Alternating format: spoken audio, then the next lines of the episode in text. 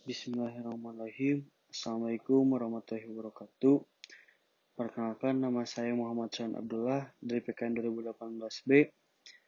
Eh, sebelumnya kepada yang terhormat Profesor Dr. Dasim Budimansa, Pak Dwi Imam Mutakin dan Bu Nisina Nurul Insani. Izin untuk membuat wispois tentang eh, kejahatan korporasi. Oke, langsung saja ya.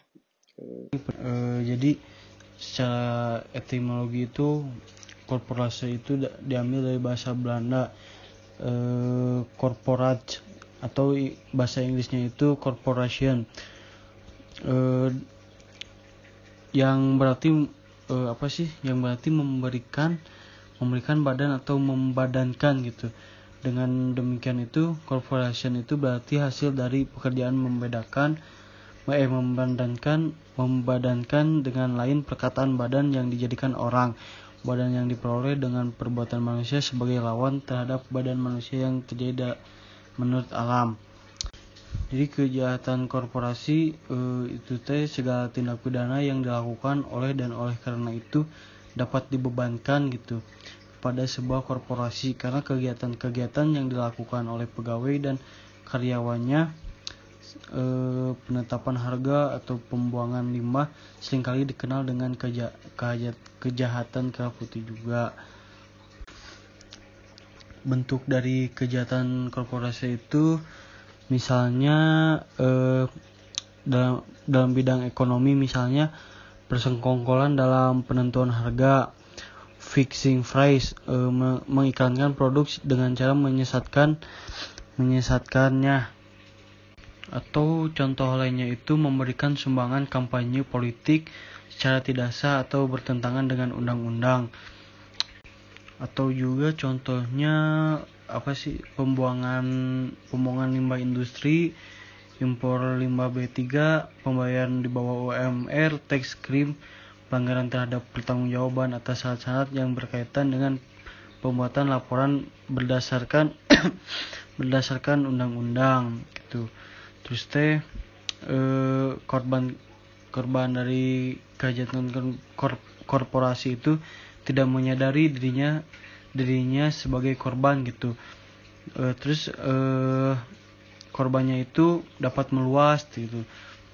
Terus teh faktor-faktor pendorong kejahatan korporasi itu bisa jadi persaingan. Nah, misalnya dalam menghadapi persaingan bisnis, korporasi dituntut untuk melakukan inovasi seperti penemuan teknologi baru, teknik pemasaran, usaha-usaha menguasai atau memperluas pasar.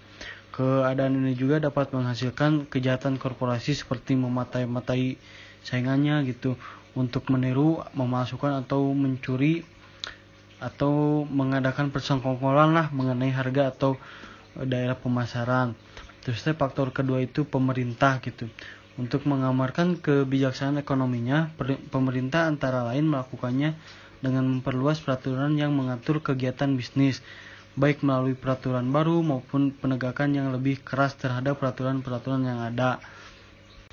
Terus ada karyawan, konsumen, publik, e, terus teh uh, karakter karakteristik dari kejahatan korporasi itu misalnya T yang pertama ada organisatoris terus yang kedua terkait dengan bisnis ketiga kurang mendapat perhatian keempat kompleksitas kompleks kelima penyebaran tanggung jawab dan uh, hukum bermuka dua misalnya gitu. Ya mungkin uh, segitu saja yang bisa saya sampaikan Mohon maaf bila banyak kekurangan. Wabillahi taufiq wal hidayah. Wassalamualaikum warahmatullahi wabarakatuh. Bismillahirrahmanirrahim. Assalamualaikum warahmatullahi wabarakatuh. Kembali lagi ya bersama saya Muhammad San Abdullah dari PKN 2018B. Uh, izin kepada yang terhormat Profesor Dr. Dasim Budimansa, Padwi Imam Mutakin, dan Bu Nisrina Nur Insani di sini saya akan sedikit menjelaskan tentang kejahatan eh, terorisme. Nah, jadi terorisme terorisme itu adalah suatu paham bahwa penggunaan cara-cara kekerasan dan menimbulkan ketakutan adalah cara yang sah untuk mencapai tujuan. Teori-teori kriminologi dapat digunakan untuk menganalisis permasalahan-permasalahan yang ter, yang terkait dengan kejahatan atau penyebab kejahatan ter, termasuk e, tindak pidana terorisme. Pola perilaku kejahatan terorisme tidak diwariskan tetapi dipelajari melalui pergaulan gitu. Tingkah laku jahat dipelajari dalam kelompok melalui interaksi dan komunikasi dan yang dipelajari dalam kelompok ini adalah teknik untuk melakukan kejahatan serta alasan yang mendukung perbuatan jahat gitu. Faktor orang yang melakukan tindak tindak ter, nanti kejahatan terorisme ditinjau dari dari apa dari faktor ideologi, faktor ketidakpuasan terhadap politik pemerintahan, faktor ekonomi, faktor kesenjangan sosial, faktor sosial dan budaya, pemahaman dan penafsiran ajaran agama yang seksual, problem ideologi agama, kecenderungan salafisme, terus teh upaya pen, penanggulangan tindak tindak kejahatan terorisme itu adalah melalui dua upaya yaitu upaya internal yang terdiri dari penegakan hukum, pembentukan Badan Nasional Penanggulangan Terorisme atau BNPT, sinegra, sineg, sineg, sinegritas kelembagaan, penerapan der, de, deradikal, deradikalisasi penerapan penerapan kontraradikalisasi pembentukan gerakan nilai atau radikalisme dan strategi pemerintah lainnya. Sedangkan upaya eksternal itu suatu upaya atau bentuk kerjasama antar negara terkait program penanggulangan tindak kejahatan terorisme khususnya yang apa sih yang berada di Indonesia misalnya tuh. Mungkin eh, segitu saja yang bisa saya sampaikan tentang kejahatan terorisme ya. Mohon maaf bila banyak kekurangan. Wabillahi taufiq wal hidayah. Wassalamualaikum warahmatullahi wabarakatuh Bismillahirrahmanirrahim Assalamualaikum warahmatullahi wabarakatuh Perkenalkan nama saya Muhammad San Abdullah dari PKN 2018B Eh, sebelumnya kepada yang terhormat Profesor Dr. Dasim Budimansa, Padawi Iman Mutakin dan Bu Nislina Nur Insani. Izin untuk izin untuk membuat voice tentang eh, kejahatan dan kemiskinan gitu. Jadi kemiskinan itu sebagai salah satu penyebab timbulnya tindak kejahatan. Timbulnya kejahatan disebabkan oleh banyak hal yang melatar belakangi di antaranya adalah kejahatan yang disebabkan oleh watak seseorang. Kasus yang terjadi saat ini kemiskinan seseorang atau latar belakang lain yang menyebabkan seseorang melakukan kejahatan. Namun eh, eh, faktor faktor kejahatan yang melatar belakangi oleh kemiskinan seseorang sehingga melakukan kejahatan sebagai alternatifnya untuk eh, penyelesaian guna untuk memenuhi kehidupan kehidupan mereka yang melakukan kejahatan dan menjalani kehidupannya. Uh, terus teh ini uh, ini tuh sudah terbukti gitu atau memang ada dalam kenyataannya. Adapun kejahatan yang dilakukan oleh masyarakat di wilayah hukum, kepolisian, sektor eh, di itu teh? Sektor Cicalengka khususnya gitu. Hanya ada empat macam kejahatan yaitu pencurian, penggelapan, penipuan, penganiayaan dan oh lima lima dan pembegalan oke ini belah empat we. namun e, tidak menutup kemungkinan lain gitu akan terjadi tergantung pada apa yang melatar belakangi mereka sehingga melakukan kejahatan tersebut artinya kejahatan itu bisa saja terjadi e, selain dari kejahat, kejahatan yang ada di wilayah hukum e, hukum kepolisian di sektor Cicalengka itu misalnya tuh gitu. Terus banyak juga sih penyebab terjadinya kejahatan itu melalui kemiskinan misalnya tuh dari apa sih e, kurangnya lapangan pekerjaan rendahnya tingkat pendidikan terus teh angka kelahiran yang tinggi terus teh bencana alam juga bisa e, bisa terus teh e, kurangnya pelatihan soft, soft skill soft skill yang dilakukan oleh pemerintah dapat membuat seseorang itu kehilangan pekerjaannya karena tidak benar dan tidak tepat dalam dalam bekerjanya gitu. Jadi e, terjadinya kemiskinan itu maka akan sangat berpengaruh buruk gitu dan menimbulkan dampak-dampak negatif terutama pada masyarakat-masyarakat lainnya. Dampak e, buruk tersebut itu berupa terjadinya kriminalitas atau kejahatan gitu. Karena jika sudah merasa miskin maka mereka tuh nanti bisa cenderung saja gitu melakukan hal-hal kriminal untuk memenuhi kebutuhan hidupnya seperti apa mencuri merampok atau memegal dan penipuan dan lainnya gitu ya mungkin eh, cukup sekian dari saya ya. Mohon maaf bila banyak kekurangan dan kesalahan. Wabillahi taufiq wal hidayah. Wassalamualaikum warahmatullahi wabarakatuh. Bismillahirrahmanirrahim. Assalamualaikum warahmatullahi wabarakatuh. Perkenalkan nama saya Muhammad Sohan Abdullah dari PKN 2018B. Eh, sebelumnya kepada yang terhormat Profesor Dr. Dasim Budimansa Bapak Dewi Iman Mutakin SHMH dan Ibu Nisrina MPD. E, sebelumnya izin e, kepada yang terhormat gitu untuk e, untuk membuat e, wish voice untuk memenuhi salah satu tugas mata kuliah kriminologi itu. Ya lanjut saja yang pertama itu kejahatan kerah putih gitu atau white color crime e, kejahatan kerah putih itu adalah suatu tindakan kriminal gitu yang sering terjadi di lembaga lembaga pemerintahan atau e, swasta. Di, dilakukan baik secara in, baik secara individual maupun berkelompok. Untuk singkatnya itu white collar crime White collar crime atau kejahatan kerah putih bisa dikatakan sebagai tindakan penyalahgunaan jabatan untuk memperkaya diri si pelaku tersebut. Terus biasanya tuh white collar crime itu memiliki ciri-cirinya. Misalnya tuh tindakannya itu dilakukan secara sembunyi-sembunyi. Mayoritas pelaku dari white collar crime itu berpendidikan tinggi dan pelaku pelakunya itu sulit untuk diketahui karena pada dasarnya mereka melakukan tindakan ini secara sembunyi-sembunyi gitu. Jadi e, jaranglah diketahui oleh banyak orang gitu.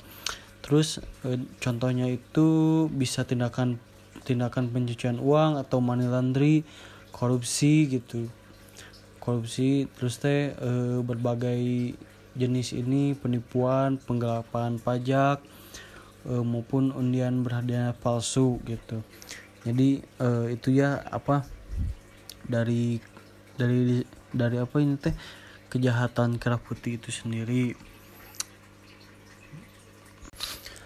Assalamualaikum warahmatullahi wabarakatuh. Perkenalkan nama saya Muhammad Sohan Abdullah dari PKN 2018B Sebelumnya kepada yang terhormat Profesor Dr. Dasim Budimansa Padewi Iman Mutakin dan Ibu Nisrina Nurul Insani Sebelumnya saya minta izin kepada yang terhormat untuk membuat sebuah wispois tentang penyimpangan perilaku. Penyimpangan perilaku itu eh, mencakup tiga hal, yaitu langkah preventif, pre represif, dan kuratif sebagaimana yang dijelaskan oleh Muh Iqbal pada tahun 2014 dalam jurnalnya yang berjudul Penanggulangan perilaku menyimpang yang dikutip dari pendapat Yesinggi Deguarsa bahwa penanggulangan perilaku penyimpang menyimpang ditempuh dengan tiga tindakan untuk mencegah dan mengatasi perilaku menyimpang yaitu yang pertama tindakan preventif yaitu tindakan yang bertujuan mencegah timbulnya perilaku menyimpang seperti menanamkan nilai-nilai dan norma dalam diri seseorang. Yang kedua tindakan represif yaitu tindakan untuk menunda dan menahan perilaku menyimpang peserta didik atau menghalangi timbulnya perilaku menyimpang yang lebih parah. Tindakan represif ini bersifat mengatasi perilaku menyimpang seseorang seperti pemberian sanksi. Terus dan yang terakhir tindakan kuratif dan rehabilitasi. Ina ya ini merevisi akibat perbuatan menyimpang terutama individu yang telah melakukan perbuatan tersebut. Tindakan ini merupakan tindakan terakhir dalam mengatasi permasalahan seseorang dengan cara mengembalikan seseorang yang bersangkutan kepada orang tuanya. E, selebihnya hal itu tidak dapat ditangani apa dalam dalam diri seseorang tersebut tidak mau berubah dan melakukan penyimpangan perilaku gitu. Ya mungkin cukup sekian dari saya tentang penyimpangan perilaku. Mohon maaf bila banyak kesalahan. Wabillahi taufiq wal hidayah. Wassalamualaikum warahmatullahi wabarakatuh. Bismillahirrahmanirrahim. Assalamualaikum warahmatullahi wabarakatuh. Kembali lagi bersama saya Muhammad Suhan Abdullah dari PKN 2018B. Sebelumnya kepada yang terhormat Profesor Dr. Dasim Budimansa, Padu Iman Mutakin dan Ibu Nislina Nurul Insani izin untuk membuat wispois tentang penyalahgunaan narkotika gitu. Oke. Masalah penyalahgunaan narkotika di Indonesia sangat tinggi dan banyak sekali orang-orang yang terjerumus ke dalam penyalahgunaan narkotika dari tahun 1971 Indonesia darurat narkotika sampai sekarang ini. Indonesia masih darurat e, narkotika terutama di provinsi Bengkulu termasuk angka tertinggi yang menggunakan narkotika golongan 1. Narkotika tidak lepas dari pola hidup masa remaja penuh tantangan dan gejolak, dikarenakan pengaruh lingkungan dan pergaulan tidak hanya itu para kolong merat sekalipun banyak yang terjerat dengan narkoba ter begitu banyak orang yang terjerumus ke jalan yang salah terjerumus dengan bahan-bahan yang berbahaya seperti narkoba kesehatan merupakan salah satu rahmat gitu bagi Allah rahmat dari Allah Subhanahu wa taala yang Maha Esa. Narkotika e, adalah zat atau obat yang berasal dari tanaman tanaman atau bukan tanaman, baik sintetis maupun semi sintetis yang dapat menyebabkan menyebabkan penurunan atau perubahan kesadaran, hilangnya rasa, mengurangi sampai menghilangkan rasa nyeri dan dapat dapat e, menimbulkan ketergantungan yang dibedakan ke dalam golongan-golongan sebagaimana terlampir dalam Undang-Undang Undang-Undang Nomor 35 Tahun 2009 tentang narkotika. E, narkotika itu bermanfaat dan diperlukan untuk pengobatan penyakit tertentu gitu. Namun jika disalahgunakan atau tidak sesuai dengan standar pengobatannya, maka dapat menimbulkan akibat yang sangat merugikan perseorangan dan e, masyarakat khususnya generasi muda gitu.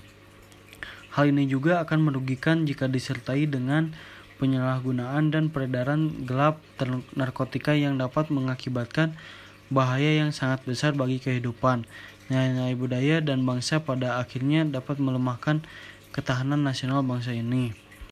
E, maka dari itu harus adanya undang-undang yang mengatur tentang narkotika.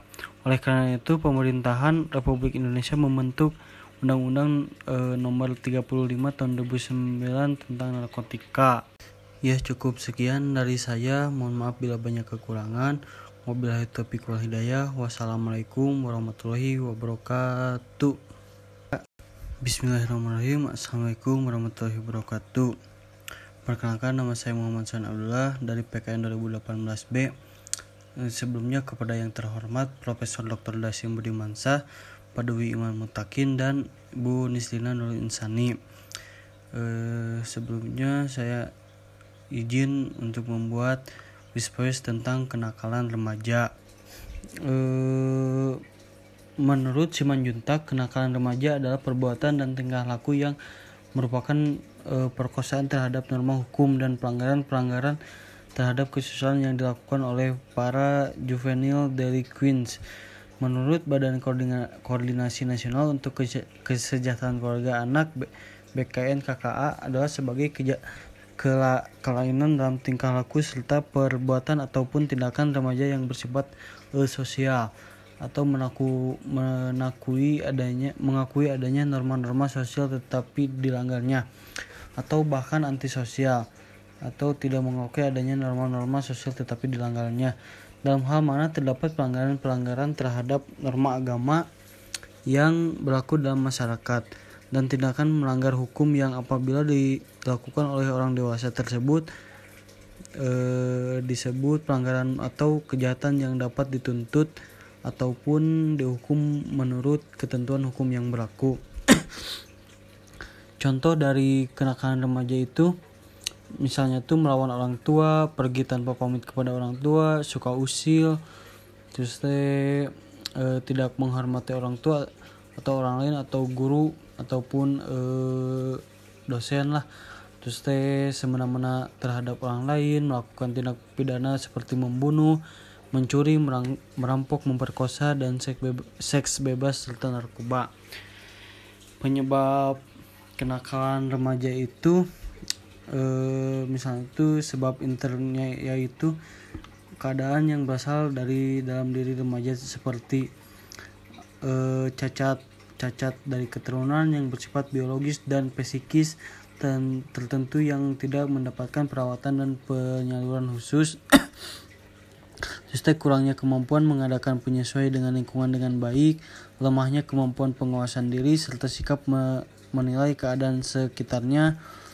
Terus se sebab eksternalnya itu berasal dari luar diri remaja tersebut, misalnya kurang mendapat perhatian dan cinta dari orang tua atau wali, terus perhatian dan dedikasi guru terhadap murid yang kurang gitu sifat-sifat negatif anak yang laten.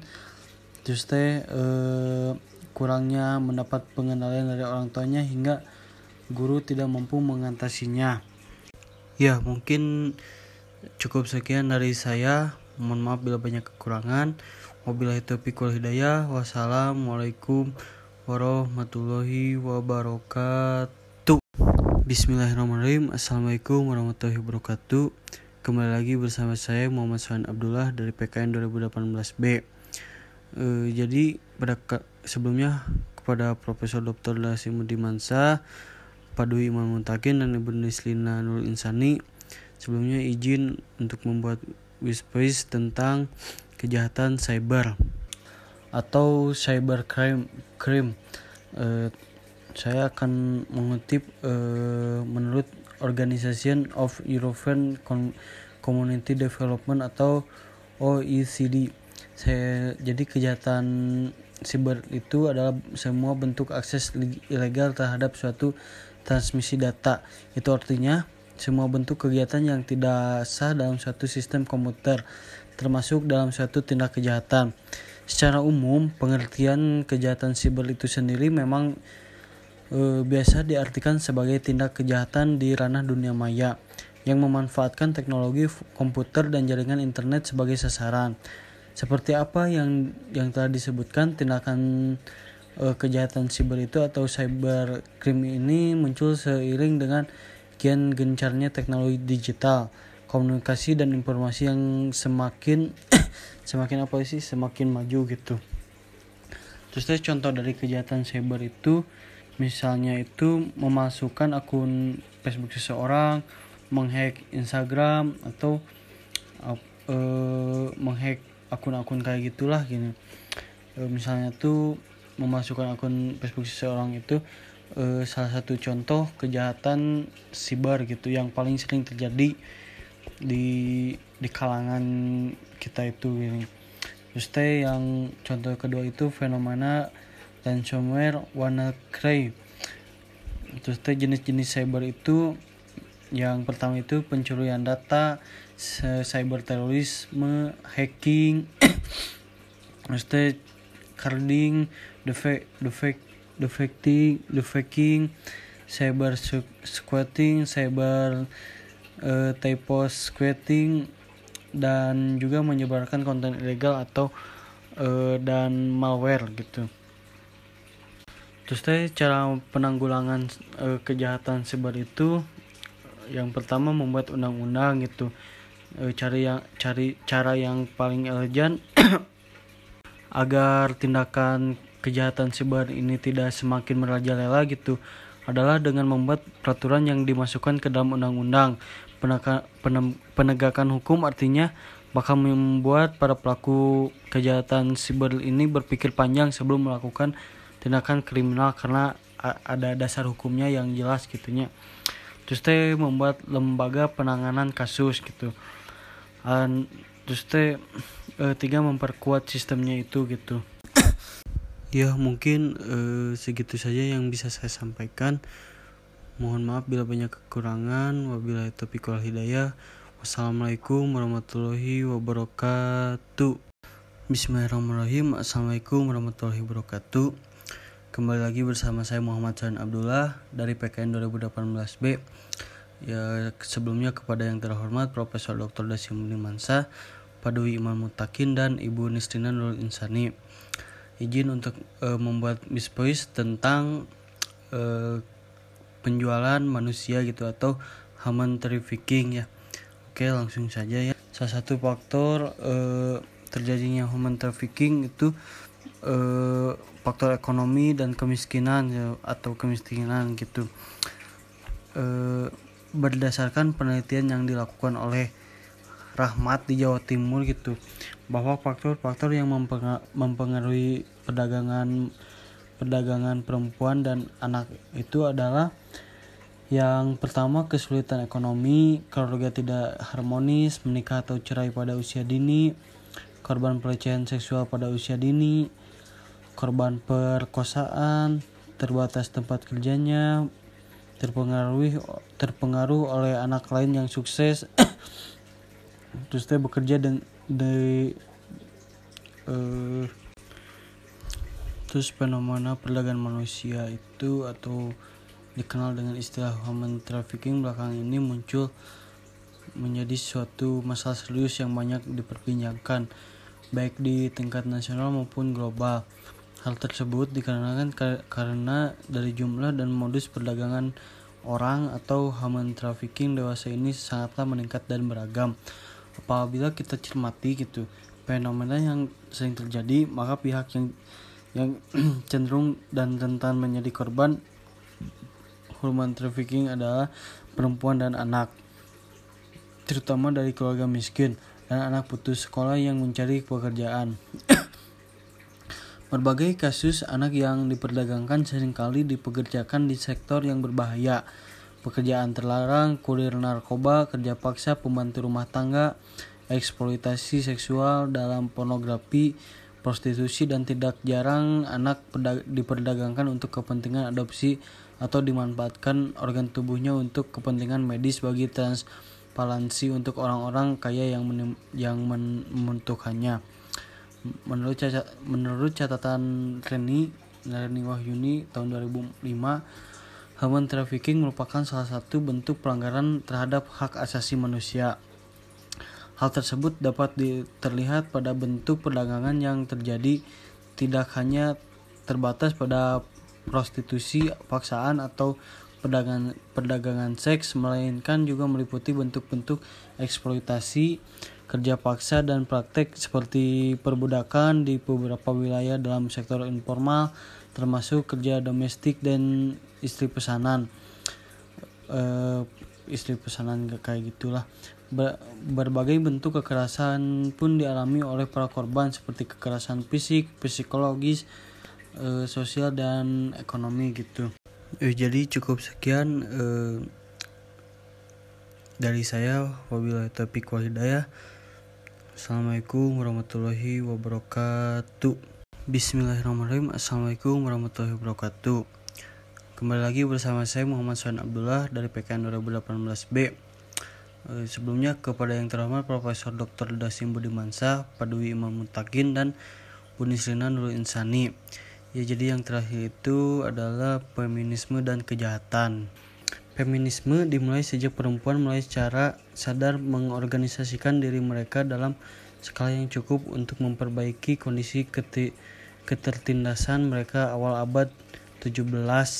Istilah feminisme mulai digunakan. Maknanya dipahami dalam konteks waktu itu berakar pada analisis politik tahun 1970-an e, dalam buku Encyclopedia of Feminism yang ditulis Lisa Tuttle 1986. Feminisme atau bahasa Inggris feminim feminim berasal dari bahasa Latin yaitu femina woman, woman dan secara harfiah artinya helping qualities of females. Telah disepakati bahwa feminisme sebagai istilah untuk pertama kali digunakan pada abad ke-17 di Inggris. Menurut Kumari Jaya Wardena 1986 dalam buku Feminist and Nationalism in the Third World 1986 Kumari menguraikan bahwa perbincangan mengenai hak perempuan dan pendidikan telah berlangsung di Cina pada abad 18. Kriminologi feminis berpikir bahwa kejahatan harus dilihat dari semua perspektif untuk memahami dan mendapatkan gambaran paling lengkap dari kejahatan. Feminis melihat masyarakat perempuan eh, sebagai dominasi Feminis melihat masyarakat sebagai didominasi laki-laki patriarki. Feminis melihat orang-orang mendapatkan manfaat terhadap e, perempuan. Kaum feminis juga berpendapat bahwa institusi sosial yang berpengaruh termasuk negara dan kebijakan membantu mempertahankan baw bawahan posisi perempuan dan pembagian gender yang tidak setara kerja dalam keluarga. Interpretasi teori feminis telah menyebabkan para sarjana dan akademisi untuk membedah luasnya teori feminis menjadi enam bentuk asal uh, yang liberal, mar marxis, tradisional, feminisme radikal, feminisme sosialis, postmodern, dan feminisme ras kritis. Yang pertama itu feminisme liberal. Feminisme liberal merupakan suatu pandangan untuk menempatkan perempuan yang memiliki kebebasan secara penuh dan individual.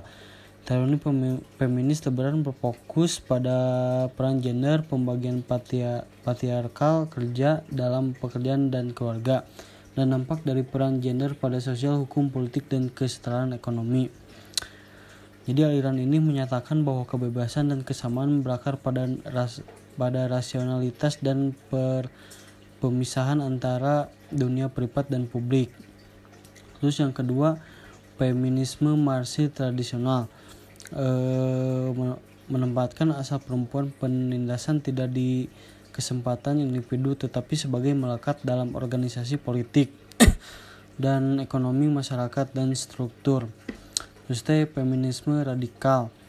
Pada sejarahnya aliran ini muncul sebagai reaksi atas kultur seksisme atau dominasi sosial berdasarkan e, jenis kelamin di barat pada tahun 1960-an utamanya melawan kekerasan seksual dan industri pornografi terus feminisme sosialis e,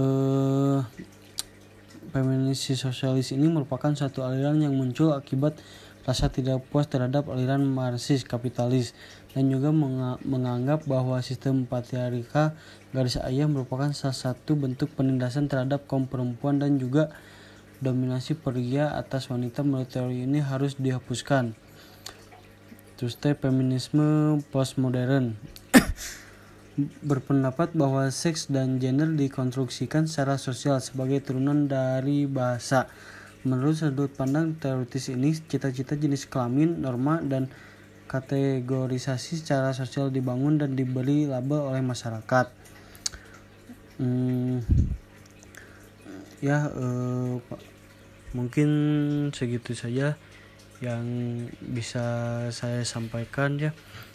Eh, mohon maaf bila banyak kekurangan untuk penyampaian yang tadi saya apa eh, sedikit jelaskan mohon maaf itu wabillahi taufiq wal hidayah wassalamualaikum warahmatullahi wabarakatuh